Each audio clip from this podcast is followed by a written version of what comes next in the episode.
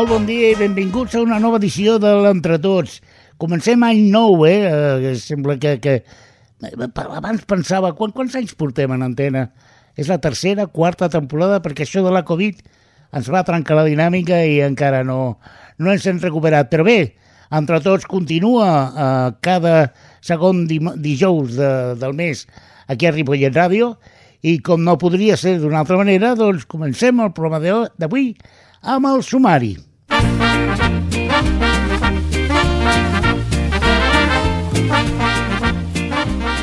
Bé, bueno, el sumari d'avui és eh, molt. Eh, bueno, curtet no, curtet no. Els temes són pocs, però és, són molt importants.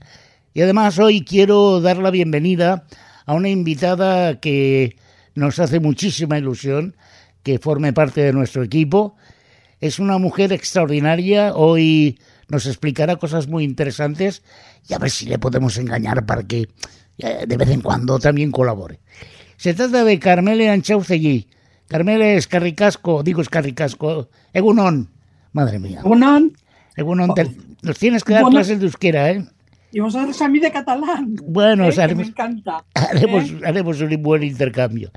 ¿Quién es Carmele? ¿Dónde está Carmele? Pues de todo eso hablaremos pero dejarme que presente, como no podría ser de otra manera, a nuestra queridísima Carmen Garrido. Carmen, buena tarde. Hola, buena tarde a tothom. ¿Qué tal? Bon any nou i aquí estem, al peu del canó. Bueno, ¿qué, ¿cómo se presenta el 23, Carmen? Ay, pues me temo que con mucha lucha, pero eso ya estamos acostumbrados eh, en Entre Tots. Pero bueno, es año de elecciones, ¿qué te voy a decir? y, y las reivindicaciones son las mismas. Tendremos que hacer ruido para hacernos oír. Pues claro que haremos todo el que haga falta. Y para financiar todo esto y para hablarnos de economía y de los euros, tenemos a Tony Puparelli, al que también le damos una cordial bienvenida al, al 2023. Hola Tony, ¿qué tal? Hola, buen día, buen año. Bueno, bueno, bueno. El año bien, bien. Muy bien, pues sin más... Esperemos que termine igual. Pues, hombre, seguro. Acabará mejor que el 22, estoy absolutamente convencido. Bueno, pues sin más dilación, eh, empecemos con el tema del día.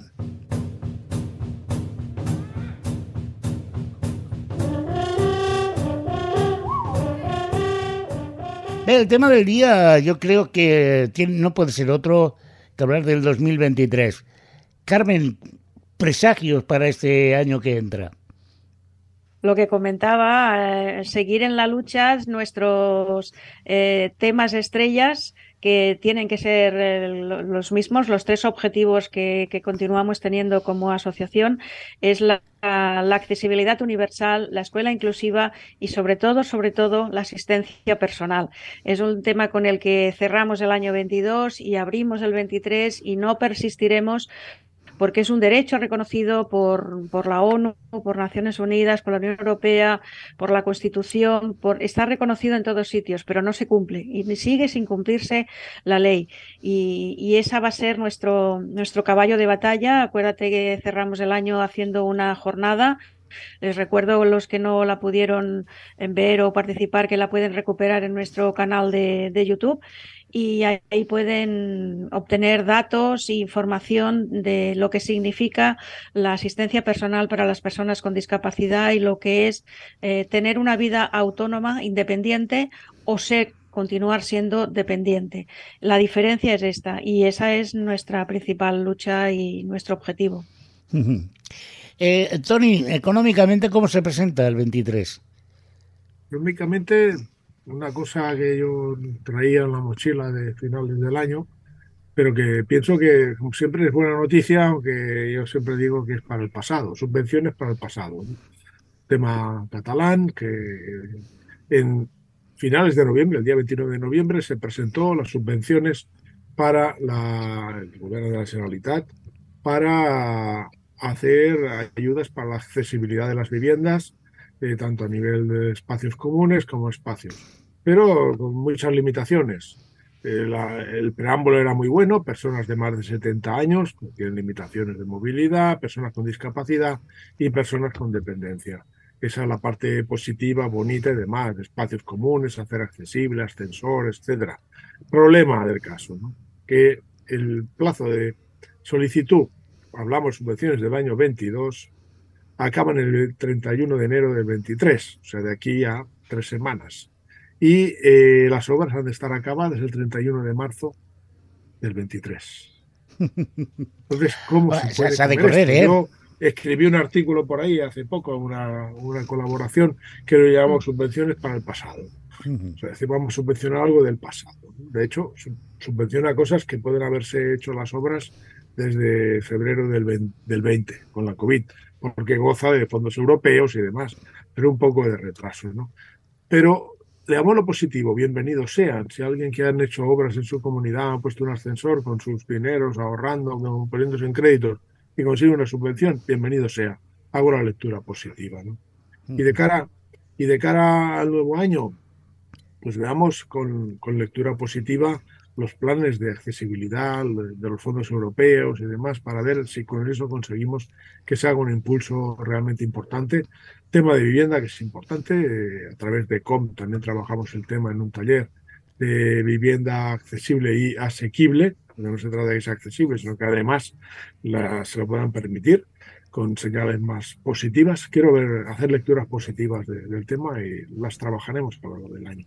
Ujú. Bueno, se presenta Muy bien. interesante, se presenta interesante. A nivel local, a nivel local, eh, si os parece, yo os comento, ha dicho Carmen antes una cosa que me parece muy interesante, y es que el 23 es un año electoral. Y esto creo que ahí tenemos que saber jugar nuestras cartas, porque como, como sabemos muy bien, la experiencia demuestra que normalmente los programas electorales vuelven a ser eh, no papel mojado, porque no es así, pero sí que es una declaración de intenciones que normalmente implican estudios y proyectos que cuando acaban de hacerse vuelve a estar uno en proceso electoral. Y uno se pasa eternamente la vida elaborando estudios y proyectos para llegar siempre a las mismas conclusiones que cuando se han de llevar a la práctica resulta que han pasado los cuatro años y vuelta a empezar otra vez, ¿no? Y bueno, yo creo que de esto también hablaremos. Pero si os parece, ahora que hemos introducido un poquito de qué va a ir el programa de hoy, dejarme que pongamos una pequeña ráfaga y presentemos, como se merece, a la invitada de hoy.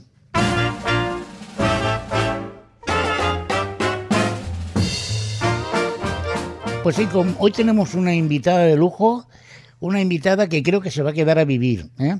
Eso esperamos y eso deseamos. Le hemos preparado ya no la eh, habitación de los invitados, sino Oh, sí. le hemos puesto ya su nombre en la puerta del... Y se trata de Carmele Anchaustegui. Por cierto, Carmele, ¿es- ¿digo bien tu apellido? ¿Es Anchaustegui? Anchustegui. Anchustegui, perdóname. Anchustegui. Tranquilo. Carmele Anchustegui. Bien, yo primero, para empezar, para que la audiencia de, Entre Todos eh, conozca quién es Carmele. ¿Quién es Carmele? A ver, Carmele Anchustegui eh, es una mujer en la que soy una persona con discapacidad, con secuelas de polio. Y lo digo tan rápido porque fue rápido cuando lo adquirí, fueron a los seis meses de mi nacimiento, ¿no? Y luego, bueno, eh, a cuenta de lo que me marcó fue eso, las secuelas de polio. Y esas sec- secuelas, la verdad, que marcaron mucho en mi vida, desde el principio. Bueno, primero marcaron yo creo que a mi familia, porque yo todavía no era consciente. Y empecé a los tres años ya a estar tres años seguidos en un hospital, sin salir ni un día, en Gorliz, en la que la verdad que tengo un recuerdo lejano, pero hay cosas muy concretas que sí me quedaron en mente, ¿no?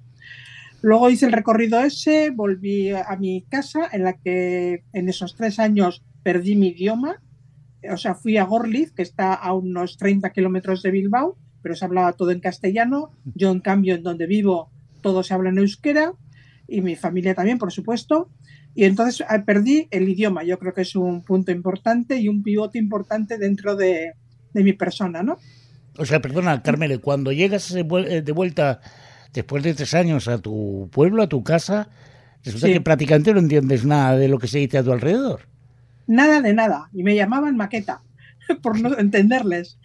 Y bueno, esto no entendía y tampoco conocía a toda mi familia, porque yo tengo ahora tres hermanos, en aquel momento tenía dos, ahora ya tengo tres, pero a esos dos también les conocía como muy poco, porque no dejaban entrar a los niños a visitarte. Y fueron eh, momentos muy puntuales donde mi madre hacía además a escondidas con trampas y tal, ¿no? Para meterles. A mis tíos, pues bueno, si venía cada 15 días algún tío con mi madre, que era la que generalmente venía porque mi padre ha sido hombre de mar, ¿eh? pues entonces ya, ya te digo que yo vine a Andorra sin saber ni cuál era mi casa, ni cómo era mi casa, ni cómo era mi familia.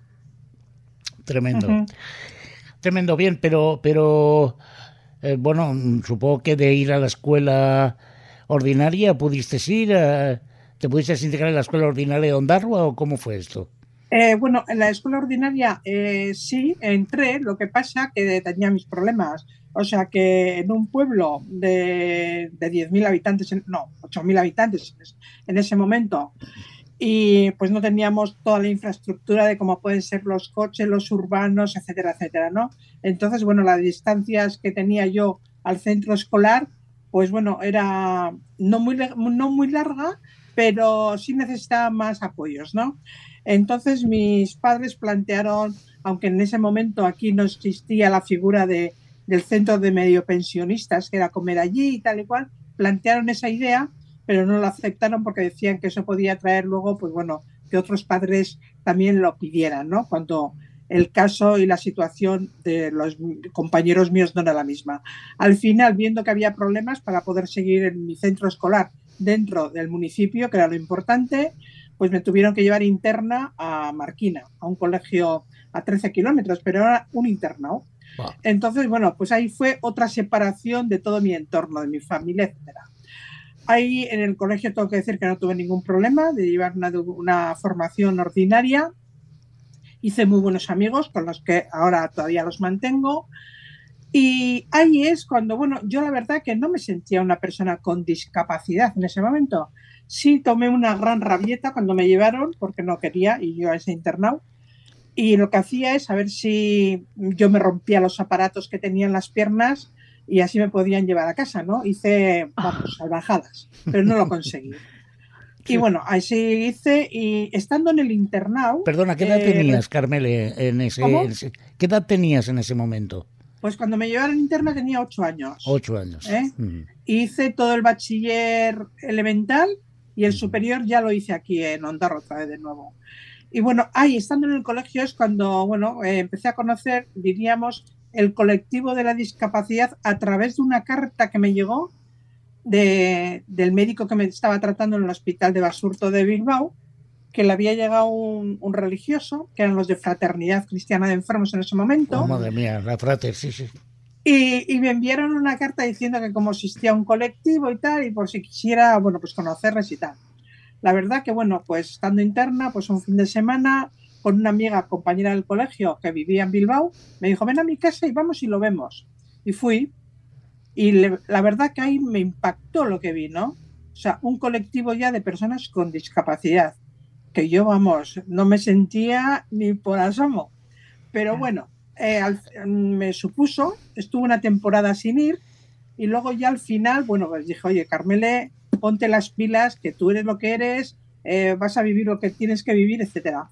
Y bueno, tuve suerte porque volví y ahí ya empecé a conocer todo el tema de, la discapacidad, de lo que suponía, de las limitaciones que estaban surgiendo, bien a nivel educativo, porque me encontré con compañeros que no les dejaban matricularse en los centros, pues porque las familias de los otros alumnos eh, tenían miedo a contagios o a saber qué. Es curioso, Carmele, perdona que te interrumpa, eh, porque eso que eh, estamos hablando, que sería mediados de los 60, imagino, ¿no? O principios de los, 70. 60, 70, sí, por ahí. Por ahí. Es curioso cómo hace pues eh, la friolera de, de 50 años, habían familias que impedían que otros niños fueran a la escuela y Carmen, hoy ocurre prácticamente lo mismo, ¿verdad? Qué triste, qué triste. Sí, sí, sí. Una de las eh, razones por las que eh, eh, estamos aquí, tanto tú como yo, como Antonio y supongo que Carmele, pues es luchar por esas desigualdades. Qué triste que los que hemos sufrido esa discriminación en nuestra infancia y, y es totalmente cierto. A día de hoy, los padres del siglo XXI, algunos, recojan firmas en las puertas de los colegios para que en sus colegios no haya niños con discapacidad. Y eso es una realidad. Y puede sonar muy duro decir, ostras, esto en la actualidad, sí, en la actualidad también pasa. Hay familias que consideran que la escuela inclusiva no, tiene cabida porque los padres que no tienen hijos con discapacidad no tienen por qué pagar los gastos de los niños que sí la tienen. No es así. No es así. Un padre con niños sin discapacidad no paga más de colegio que otro que sí, que sí lo tiene. Hay que desmontar bulos y hay que trabajar con, por la empatía, por la igualdad y sobre todo por la igualdad de oportunidades. Pero desgraciadamente todavía estamos en esa lucha. Es curioso. No se trata, perdón, interviene, no se trata solo del coste, que también, que pueda parecer, pero en familias que es el hecho de que su hijo va a ir retrasado por culpa de el que está allí con discapacidad. Eso es lo peor. Eso es discriminación. Eso ya no es un tema de coste. Sí, señor. Cuando es todo lo contrario, porque cuando un niño con discapacidad crece y se educa en un entorno inclusivo de igualdad, eh, crece y aprende como los demás. Quizá tenga su evolución, pero la evolución la tendrá el niño. Los otros niños tendrán la suya. Al contrario, los niños tendrán mejor evolución porque entenderán la diversidad y la igualdad. Y el día de mañana en un lugar de trabajo y en la sociedad entenderán que la ciudadanía es diversa y que no pasa nada por tener un compañero que va en silla de ruedas o que necesita un apoyo puntual. esa, esa es la, el gran hándicap todavía en el siglo XXI. Es diversa, pero según para quién y según para qué.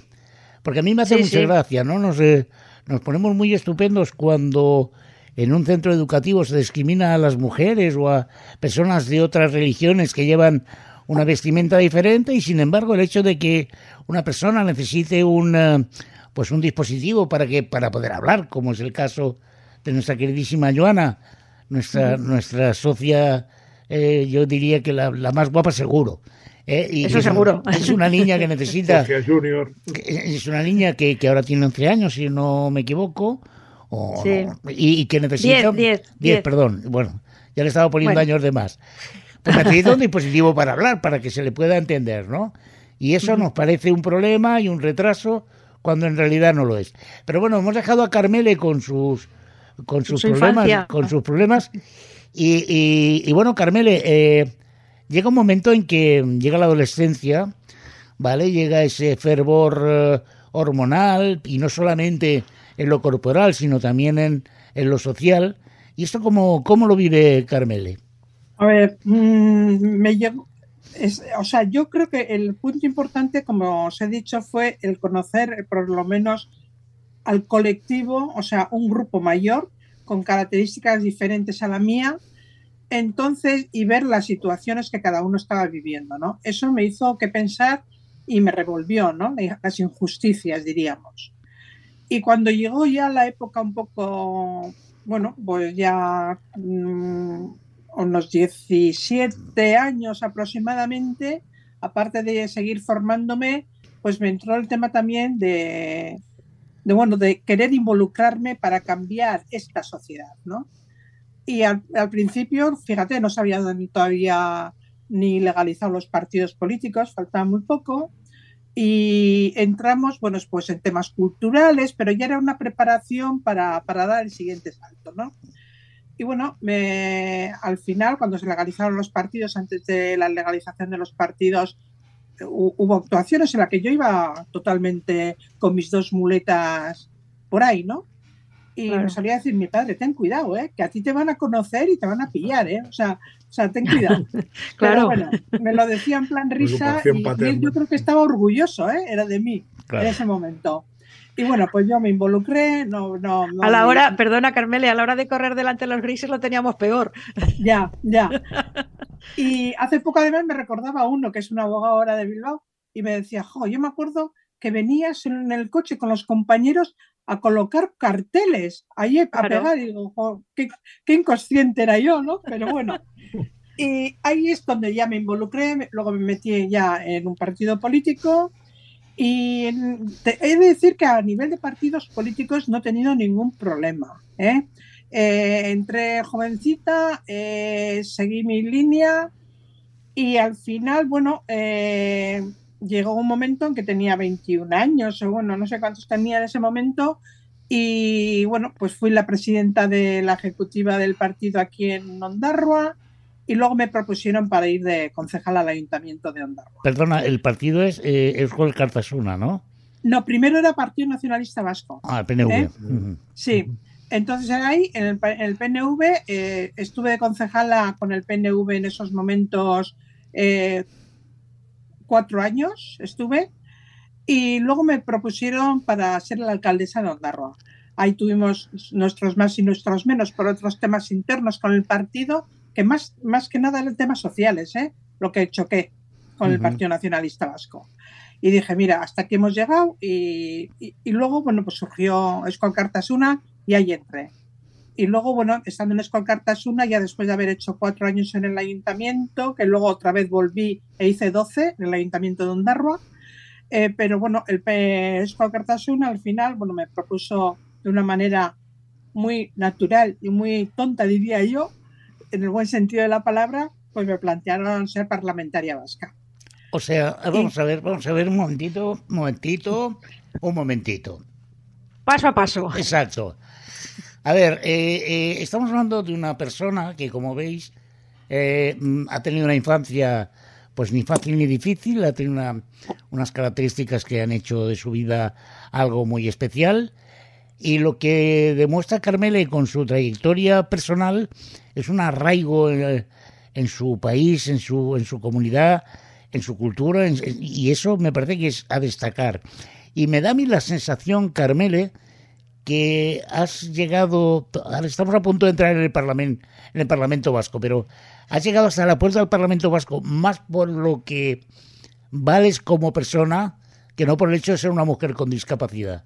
¿Eso es así? Sí, yo, a ver, una, una cosa, cuando has dicho que lo he tenido más o menos fácil, en el tema laboral lo tuve muy difícil, ¿eh? porque tuve unas épocas en las que me iba a presentar a posiciones o a empresas privadas también, ¿eh? en la que no me dejaban presentarme a examinarme por el mero hecho de tener una discapacidad. ¿eh? Bueno, Y eso lo pasé dos o tres veces. ¿eh? Y eso fue muy duro para mí. Pero aún así, bueno, pues dije, pues mira, pues aquí sigo yo en mi lucha y tal. Y luego la política, la verdad que al Parlamento Vasco yo estoy segurísima, ni por parte del PNV, ni por parte de Escual Cartasuna, en su momento cada uno, eh, optaron por mí por ser una persona con discapacidad. Eso lo tengo claro. Si no lo hubiera visto, y vamos, eh, a mí no me pillan, claro. ¿eh? A mí no me pillaba nadie en ese momento, ni en estos tampoco. Por lo tanto, si yo he sido política, he sido, bueno, pues porque han visto unos valores o una forma de ser o, bueno, pues como se me ha valorado como persona. Pero el tema de, los, de las muletas y en este momento silla de ruedas no ha tenido nada que ver en la política. hablaremos, hablaremos de tu etapa como, como diputada en el Parlamento Vasco, que me parece que es una, un tema muy interesante, pero invito a mis compañeros a hacer una, ya una reflexión en... Has dicho algo al principio y es que una de las cosas que te diste cuenta es que querías formar parte activo del que transformar la sociedad en la que vivías, ¿no? Cambiar un poco el entorno. Y yo creo que esa es una característica bastante común en la, bueno, iba a decir entre los entre las personas con discapacidad, no, habría que No, matizar no. algunas discapacidades, ¿no? Y de hecho los cuatro que estamos aquí eh, hoy haciendo el programa de Entre Todos eh, en Ripollet Radio eh, está claro que teníamos esa vocación de transformación social eh, por los canales habituales, ¿no? Eh, Carmen, tú un poco viviste el mismo proceso, ¿no? Sí, más o menos. Yo lo, el- me involucré en política más tarde. Yo, bueno, eh, para los que no, no lo saben, Alberto y yo nos conocemos hace muchos años. Muchos años, sí. Coincidimos, coincidimos en la escuela primaria y primeros años de secundaria en, en la ciudad de Barcelona, que vivíamos los dos. Luego, al acabar la- esa formación, cada uno tomó caminos diversos. Eh, y hemos tenido vidas diversas y yo continué formándome, me construí, constituí también una familia, estoy casada, tengo dos hijos y, me dediqué pues a trabajar, a seguir adelante, siempre trabajando cerca de, en el, ámbito asociativo, pero sobre todo mm, luchando en el ámbito laboral, que, que fue muy difícil por ser mujer y tener una discapacidad, fue muy difícil. Eh, me cerraron muchas puertas, aún estando muy bien preparada, eh, no se valoró eh, y entonces llegó un momento que la discapacidad avanza, la polio avanza, la pospolio aparece y entonces el espacio donde vivíamos en Barcelona quedó pequeño y nos desplazamos donde estamos actualmente en, el Penedés. Y fue ahí, al, estar en una ciudad más pequeña, en un ámbito más rural, que pude tomar contacto más directo, siempre con la ideología y con la idea y eh, con ese ánimo de transformación que, me, acerqué más a la política y, como bien dice Carmele, eh, valoraron la, persona, las ideas, la ideología y las ganas de trabajar. Y a partir de ahí, pues también sí fui durante años, eh, primero empecé a trabajar a nivel local, luego en la ejecutiva local del, partido, en este caso del Partido Socialista, y, y acabé siendo también concejala del, del pueblo de Vilafranca del Penedés en concreto, ¿no? Y bueno, y ahí seguimos en la, en la lucha. ¿no? Quiero decir, son etapas, eh, subimos en el partido, estuvimos en el Consejo Nacional, hicimos, eh, yo creo que, bueno, ahí fue donde también volvimos a coincidir tanto con, con Antonio como con Alberto y al estar aquí en el ámbito más territorial, más local, eh, también me involucré más a nivel social y a nivel eh, asociativo y viendo que el, colectivo de la discapacidad, eh, que no está en una residencia ni en un, ni en un centro de trabajo, estaba totalmente desatendido y no tenía, eh, no se situaba en ningún sitio, sus peticiones y sus necesidades no estaban en, situadas en ningún sitio, fue cuando con otros dos compañeros decidimos iniciar esta, esta carrera de, de entre tots que, que, poco a poco pues se fueron incorporando y mira por dónde pues acabamos trabajando juntos en todos los ámbitos. Y en el caso de Tony, como dice el refrán, ¿no? Eh, permitirme el, el, la ironía, el aquel que dice que quien con un quejo pasea, si no cogea, renquea, ¿no? Y en el caso de Tony, de Tony Puparelli, eh, que como sabe la audiencia fiel de Entre Todos eh, es el, el marido del de la compañera querida y, añorada Pilar Pinto que nos dejó, nos dejó hace unas, unos, unos meses. Eh, que era Pilar la que tenía la discapacidad, pero en el caso de Tony, él es discapacitado por añadidura, diría yo, ¿no? Por, por, por, incluso hasta por voluntad propia. Y tú también, de unido, has formado parte de, y formas parte todavía, de colectivos y de grupos de trabajo con la intención, sana intención, de transformar la sociedad. ¿No es así, Tony? Absolutamente. Para mí la inclusión es la bandera y en todos los ámbitos y por lo tanto el participar en la vida, sea con personas con discapacidad o sin ella, no, son personas y al final somos personas todos y ahí estamos. A Pili yo recuerdo que cuando la conocí se encogió de mi brazo, ella iba con un bastón, una muleta en su momento, se encogió de mi brazo y hemos vivido 45 años juntos de vida, la mar de bien y sin fijarme yo que llevar una muleta ni nada, ¿no? Me enamoré de sus ojos, de ella, de ella como persona, no de, no de su condición en absoluto. Y bueno, venía con ellos, por lo tanto formaba parte del paquete. Y al final es lo que uno ve, es así, por lo tanto, ¿qué importa lo que sea, como sea y todo eso?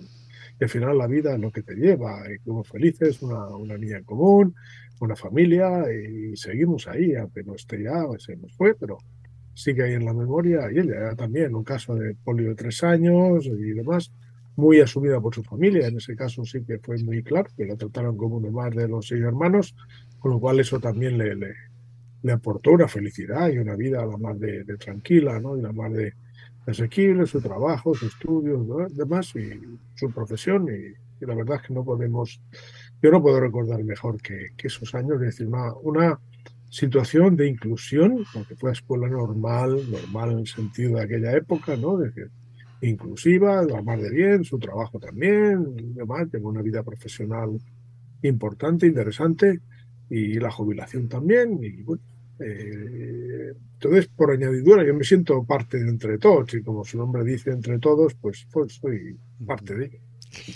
A ver, niños y niñas, ¿qué habéis aprendido hoy con lo que acabamos de decir? Pues que si no os gusta la sociedad en la que vivís, tenéis que hacer algo para cambiarlo.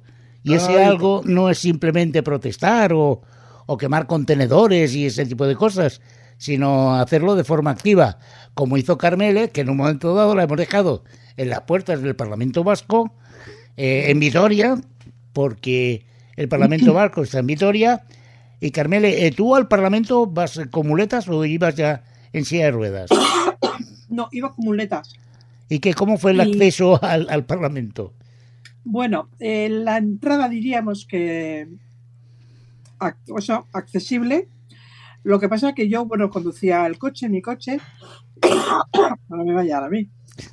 Y bueno, esto, yo tenía mi coche y me acercaba con mi coche y teníamos un, un centro donde teníamos que dejar todos los parlamentarios el coche. Casualidad, ese no era accesible. Entonces, bueno, yo estuve fisgoneando un poco el Parlamento desde fuera y tal, y vi que en la parte de atrás del Parlamento había un espacio bastante bueno como para dejar mi coche al aire libre, pero lo podía dejar.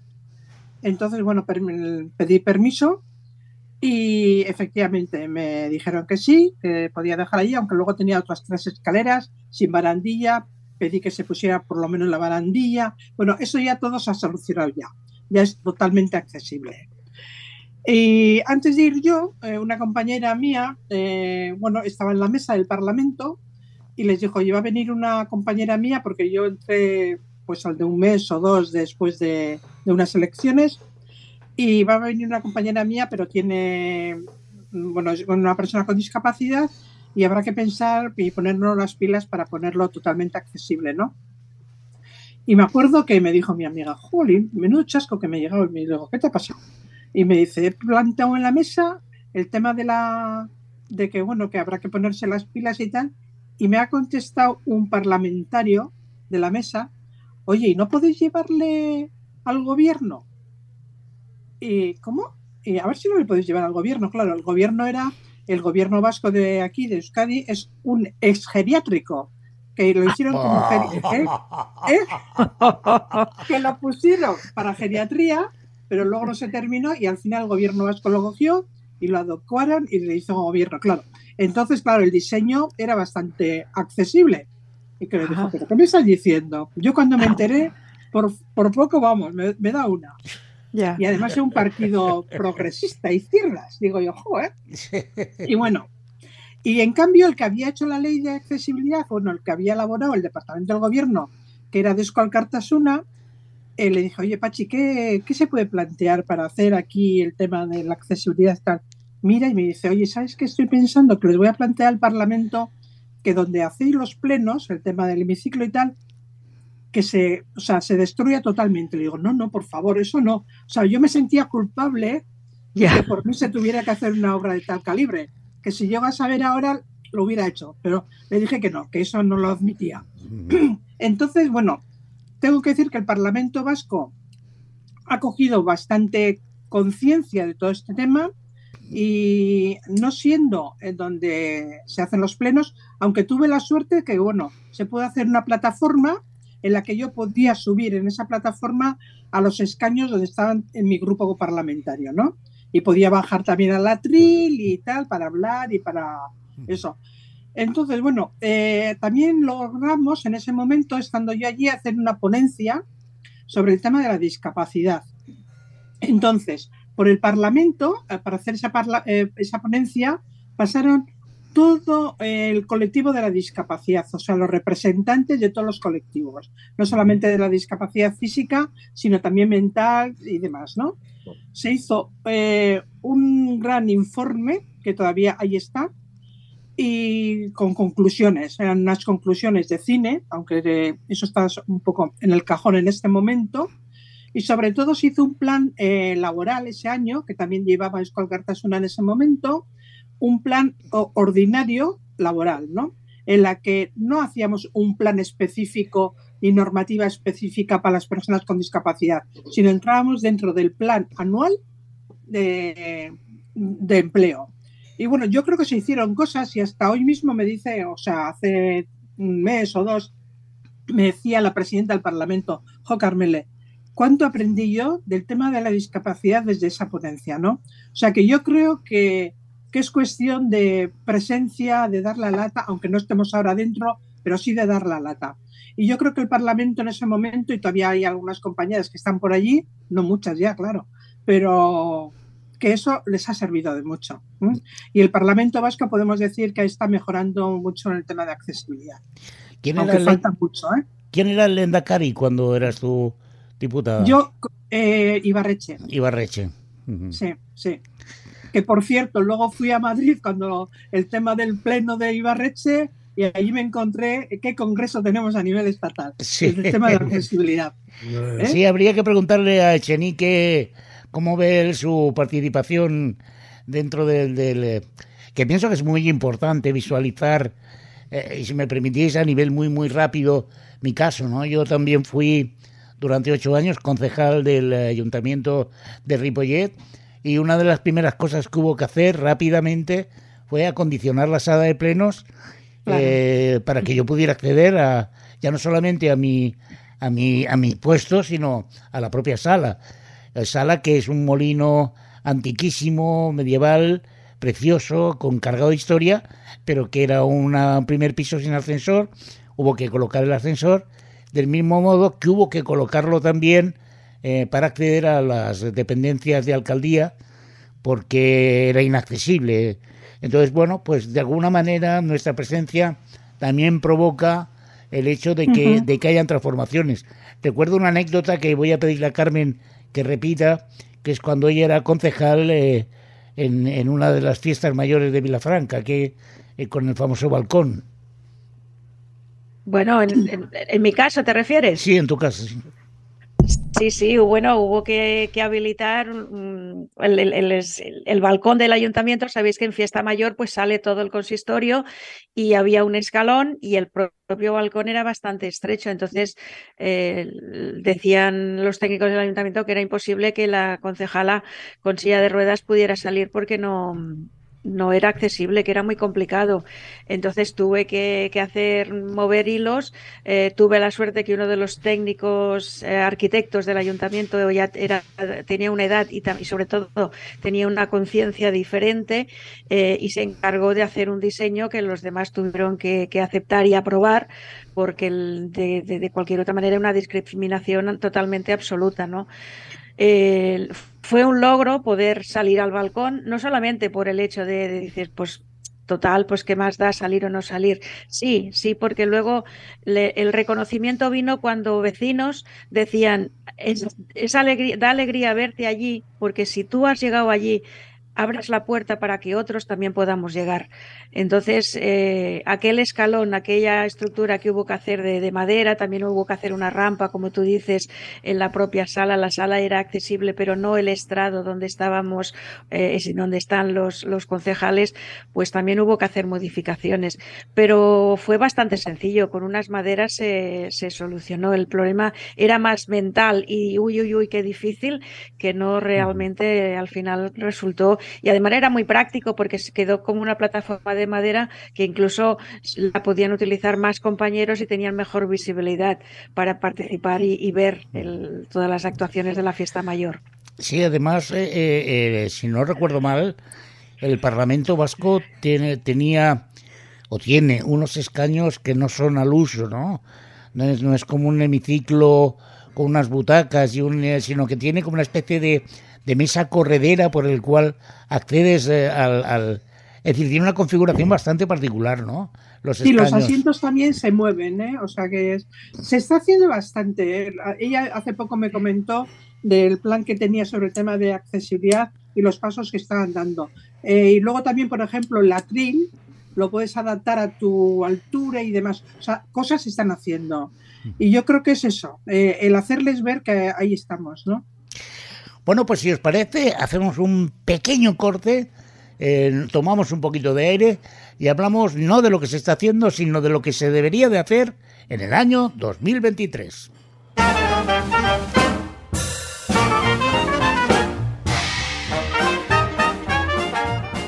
Bueno, pues nada, hemos eh, hablado de... Carmen nos explicaba un poco su trayectoria, la, hemos dejado en el Parlamento Vasco y vamos a hablar un poco del año 23. Carmele, ¿cómo está la situación en, Euskadi a nivel de discapacidad? ¿Mejor, peor, igual que en el resto del Estado? ¿Cómo lo calificarías tú? Yo, la verdad que, a ver, mm, antes no conocía tanto el tema de, cómo está la discapacidad a nivel del Estado, ¿no?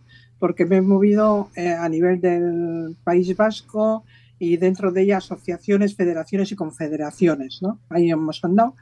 Pero tampoco hemos tenido una relación muy...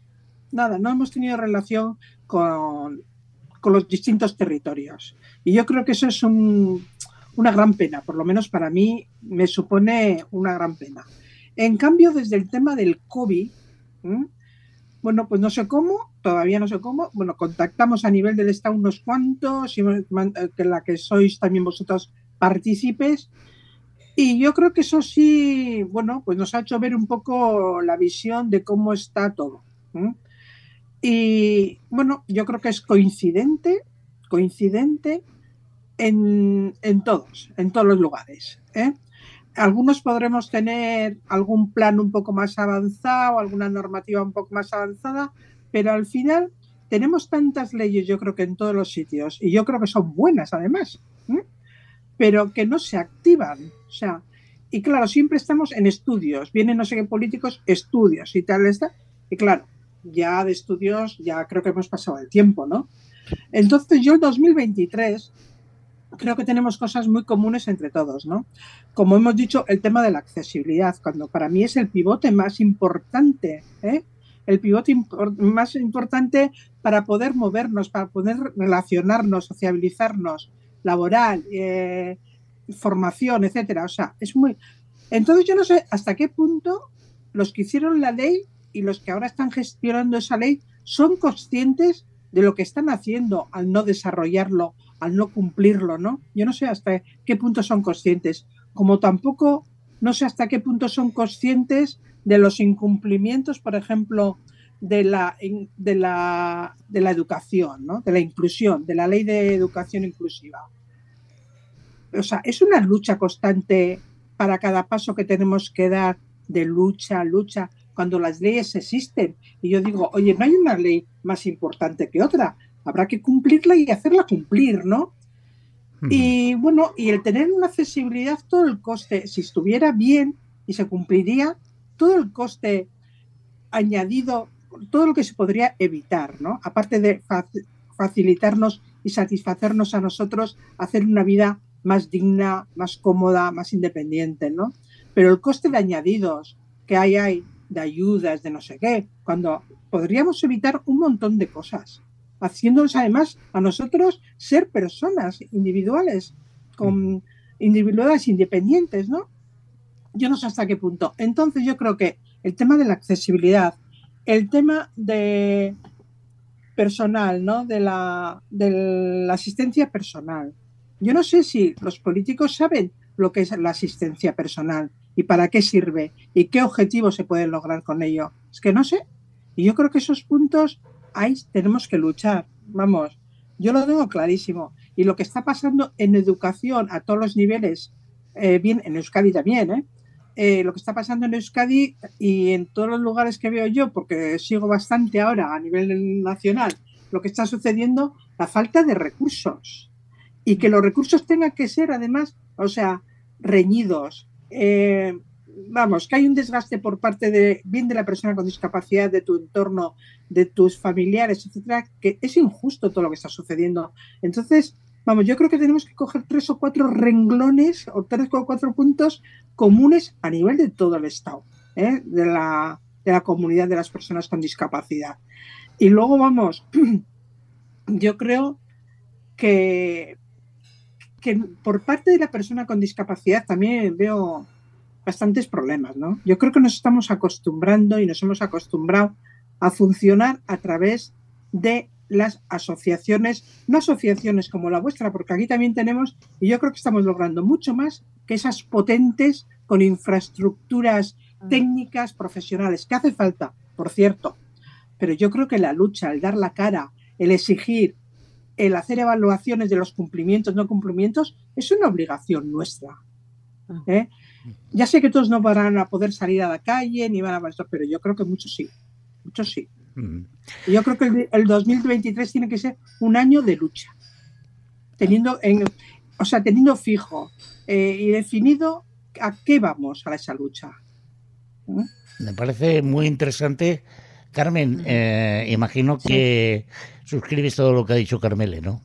Totalmente, totalmente. Es que ha mencionado las, bueno, los tres objetivos que yo he comentado al principio, pues ella los acaba de suscribir y es que son, e, es la clave, es la clave, porque una, una vida independiente, una vida autónoma sin una accesibilidad universal es imposible posible. Eh, una sociedad em, en igualdad de oportunidades, sin una escuela real, inclusiva eh, y con los medios necesarios, mm, es imposible. Y, si los derechos están reconocidos, ¿por qué cuesta tanto? El, eh, hay una cosa muy importante un detalle que ha mencionado Carmele, que es el, desgaste, el desgaste energético, emocional y el esfuerzo físico, el sobreesfuerzo físico que supone para, para las personas que estamos eh, en el colectivo, que, que tenemos una discapacidad, es, es, increíble, es increíble. Entonces, la mayoría hemos tenido que dejar nuestras actividades profesionales por nuestras lesiones, por nuestras eh, patologías, pero de voluntariado seguimos ahí dando, dando el callo, dando el callo y pico pala, pico pala. Y este año, pues justamente por eso, porque, porque los políticos están removiendo sillas, pues tenemos que levantar la voz y hacernos oír mucho, mucho, porque no puede ser que se sigan incumpliendo las leyes en, el, en, la, Generalitat de Cataluña, en, en, el País Vasco, en Andalucía. Es que es en general, como dice ella, es en general. Si tenemos que unificar fuerzas, eh, lo hemos hecho, lo hemos conseguido, ahora aprovechando que estamos aquí los cuatro polios, o, eh, lo hemos conseguido con la, con, la, con la ley de memoria democrática, que unificamos fuerzas, las entidades a nivel estatal, y hemos conseguido eh, que se apruebe esa ley hay que seguir trabajando porque ahora hay que desplegar esa ley. Y tenemos ahí a, mucha gente que está haciendo ruido, que no está de acuerdo y que incluso están diciendo literalmente que si gana la derecha... Em, van a, a, derogar, a derogar esa, esa ley. Con lo cual eh, hay mucho que ganar, pero también mucho que perder y no, no nos la podemos jugar. Decía Carmele antes, eh, eh, el tema de los recursos, que a mí me parece muy importante. Y esta pregunta se la, se la dirijo a Tony. Eh, Tony, ¿no crees que de alguna manera hay una fantasía eh, económica eh, que eleva los costes reales de lo que sería la accesibilidad y la inclusión a nivel social? Es decir, ¿no creen los políticos que es demasiado caro cuando en realidad no se han parado a hacer buenos números y económicamente es más sostenible de lo que pueda parecer a priori. ¿Cómo, cómo, lo ves esto? Absolutamente. En el año 19, en la ciudad de Barcelona, se hizo un estudio del coste de la discapacidad. ¿no? Y hay que darle la vuelta, es decir, y el coste de la oportunidad, es decir, esa persona que no produce, que no aporta valor, que está a eso, que tiene unos costes elevados simplemente para poderse mover, para poderse tener, si esa persona pudiera aportar lo mismo que una persona sin discapacidad, ¿eh? ¿Cuánto valor añadiría? ¿No compensaría? ¿No vale la pena ponerle un asistente personal? ¿No vale la pena el, que tenga accesibilidad al trabajo, el que tenga ciertas prioridades en algunos temas para poder estar en igualdad, igual que el tema femenino, la, discriminación positiva y demás? No parece lógico que, se haga precisamente porque es un capital humano, aprovechémoslo, desde un punto de vista económico también. Tiene una neurona y la neurona ayuda y crea valor. Ahí estamos. Es un tema, es un tema económico que, al que, es el final del discurso para decir que no a algo, ¿no? Es decir, no, no, no puedo eh, hacer una accesibilidad universal porque es muy caro. Bueno, pero ¿sabes lo que cuesta? O lo que decía el Tony, que a mí me parece un dato muy interesante, ¿no? Es aquello de cuánto podría aportar si pudiera ir a mi puesto de trabajo y cuánto podría cotizar eh, eh, ya no, ya no, y fijaros que ni siquiera estamos haciendo un planteamiento desde el punto de vista de los derechos, ¿no? El derecho al trabajo, el derecho a una vivienda digna, eh, que es un derecho inherente al ser humano. Y así está reconocida, yo creo, la ley utópica que es de la Convención de las Naciones Unidas 2006, ¿vale? Que, que deja estos temas bastante claros. Y yo creo que... perdona, Alberto, pero una persona con discapacidad para poder hacer un trabajo o un sitio tiene que poder tener derecho a una vivienda adaptada, en igualdad de condiciones, en el mismo entorno social, etcétera, etcétera, etcétera, que una persona. Hay muchas cosas que hay que trabajar primero, por supuesto, pero eso al final forma parte de la inversión que ha de hacer el Estado o la, la comunidad la comunidad para que esa persona pueda tener las mismas oportunidades que el resto. Si las tiene, seguro que se aprovechará. Y lo he vivido en propia persona con mi esposa. Las tuvo y pudo aprovecharla y aportar valor a la economía. Evidentemente. Claro que sí. Eh, nos estamos quedando prácticamente sin tiempo. Yo quería haber abordado el tema de las elecciones municipales, pero como es un tema que nos va a traer, creo yo, de aquí hasta mayo y va a ser un tema recurrente, eh, si os parece, eh, hacemos un tema de cierre y emplazamos para próximos programas el debate sobre las elecciones municipales, que pienso que es el caballo de batalla, ¿no? Eh, a ver, Carmelo decía una cosa que a mí me parece fundamental. Y es que eh, eh, de leyes tenemos para aburrir, pero gente que se atreva a cumplirlas parece ser que poquitos, ¿no? en el País Vasco hay, hay, hay leyes por encima de las estatales o que amplíen la cobertura de las estatales que también se incumplan, o eso pasa solamente bueno, aquí en Cataluña es que no, es que no se incumplan, es que están guardadas en un cajón desde que se inició el proceso y ahí, que, ahí están durmiendo el sueño de los justos. ¿En Euskadi pasa algo parecido o realmente se toman en serio el tema de, la, de las reivindicaciones de la discapacidad? ¿Cómo está eso, Carmele? A ver, el tema de la accesibilidad universal, eh, hemos de decir que fuimos uno de los pioneros en hacer la ley, una ley muy buena y además una ley en la que fue muy participativa por parte del colectivo, gremios, etcétera, ¿no? Entonces yo siempre estoy diciendo ahora lo, mismo. Es una ley que empezó a cumplirse, ha retrocedido, el, o sea, el cumplimiento, y es una ley de que el incumplimiento está saliendo gratis. Viene a la misma administración, que en, algunas, en algunos casos no lo cumple, y bien a los que ellos gestionan, ¿no? A la ciudadanía. O sea, es una ley, vamos, que el incumplimiento es totalmente gratis. Cuando, por ejemplo, tú haces algún incumplimiento dentro de Hacienda y con una tecla saben y te lo, te lo multan, ¿no? O sea, que es, vamos, es increíble.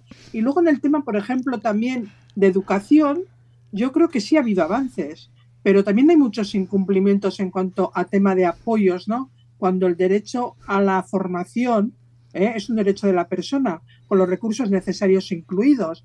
Y aquí, eh, últimamente, bueno, pues eh, tenemos dos o tres mm, temas bastante graves con el tema de educación, ¿no? Y ahí andamos. Por ejemplo, también en el tema de, de la lengua de signos, porque yo cuando hablo con el tema de la discapacidad, me, me gusta no solamente hablar de los físicos cojos, diríamos yo, sino de la discapacidad en general, ¿no? Sí, sí. Y, bueno, por ejemplo, en el tema del mundo de los surdos, que yo la verdad que trabajé mucho y mantengo con ellos bastante relación, pues en estos momentos en Euskadi no hay una relación de personas formadas en la lengua de signos, de profesores ni de auxiliares. Y dices, pero esto, esto no se preveía. O sea, ¿quién lleva aquí el futuro de proyectos y de formaciones. O sea, es increíble que me digan ahora en el gobierno vasco, pues que no tenemos a nadie en la lista. Pero ¿cómo, cómo hemos llegado a esto? Bueno, ha pasado también en otros temas, pero en esto, ¿no? Digo yo, oye, que estamos hablando de una lengua que hay personas que solamente es la única que hablan, ¿no? Entonces, vamos, yo creo que, y otra, la universidad también, bueno, sangrante, que, que hagan, por ejemplo, posgrados, según ellos, no, no legales, pero lo hace la universidad, lo da la Universidad Vasca, lo propone él y lo gestiona él con todo su profesorado. En cambio, a la hora de una persona con discapacidad física que pide unos recursos, como puede ser el que tenga una persona para que le abra el ordenador o para que le quite la chaqueta, no más, ¿eh? que se le deniegue porque dicen que es un posgrado que no es legal. Pero ¿cómo que no es legal cuando la misma universidad él lo ha, lo, ha, propuesto y lo está dando. Esa es otra lucha que lo llevo de cerca también, pero dices que, ¿pero qué es esto? ¿Pero qué es esto? O sea, ¿Hasta qué punto tenemos que estar machacándonos cuando todo es... Hay, hay leyes inclusivas y... Pero no, no.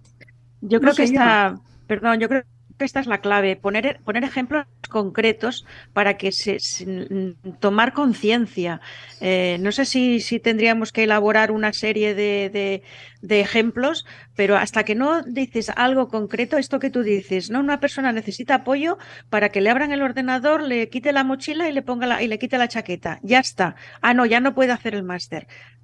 Son situaciones tan, tan flagrantes, tan graves y tan sencillas de resolver y es un posgrado que, ha hecho en la misma, eh, o sea, en la misma Universidad del País Vasco, eh, trabajadora social, eh, ha hecho. Está haciendo un posgrado dentro de esa línea en la misma universidad, con el mismo profesorado que a ella le daba cuando era oficial su carrera, y que le denieguen. Es que es increíble lo que está pasando. O sea, es increíble. Claro.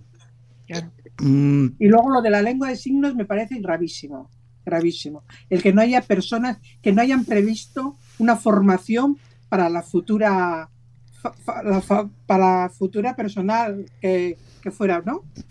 Es increíble. Increíble. Y lo que es increíble es que nos hemos quedado sin tiempo. Han pasado prácticamente una hora de programa donde hemos estado hablando con Carmele, con Carmen con, y con Tony sobre el 2023. Eh, Carmele, yo lo siento mucho, pero te vamos a volver a molestar en próximos programas, sí o sí.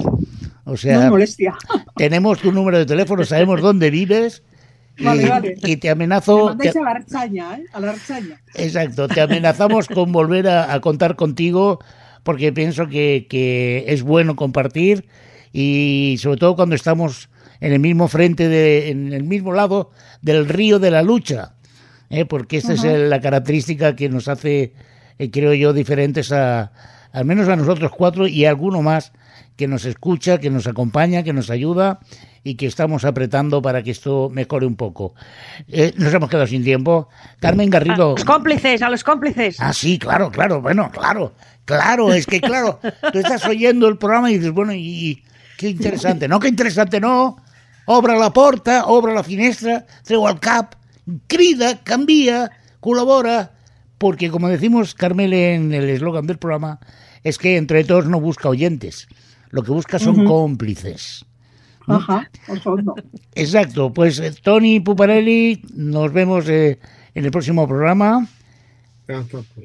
Carmen, lo mismo te digo, nos vemos en el próximo programa.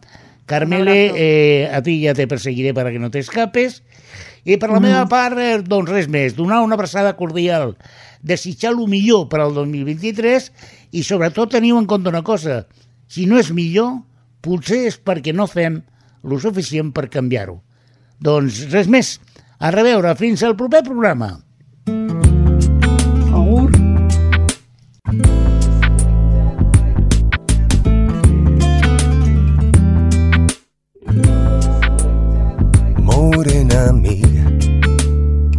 A contarte esta diez Uno es el sol que te alumbra, dos tus piernas que mandan, somos tres en tu cama, tres, morena mía.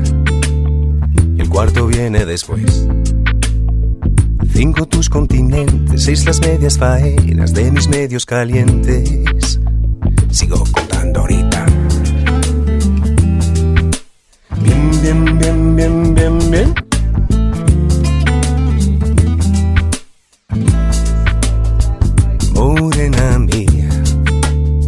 Siete son los pecados cometidos. Suman ocho conmigo, nueve los que te cobro, más de diez he sentido. Y por mi parte sobre darte lo que me das, dámelo, dámelo bien. Un poco aquí, un poco aquí.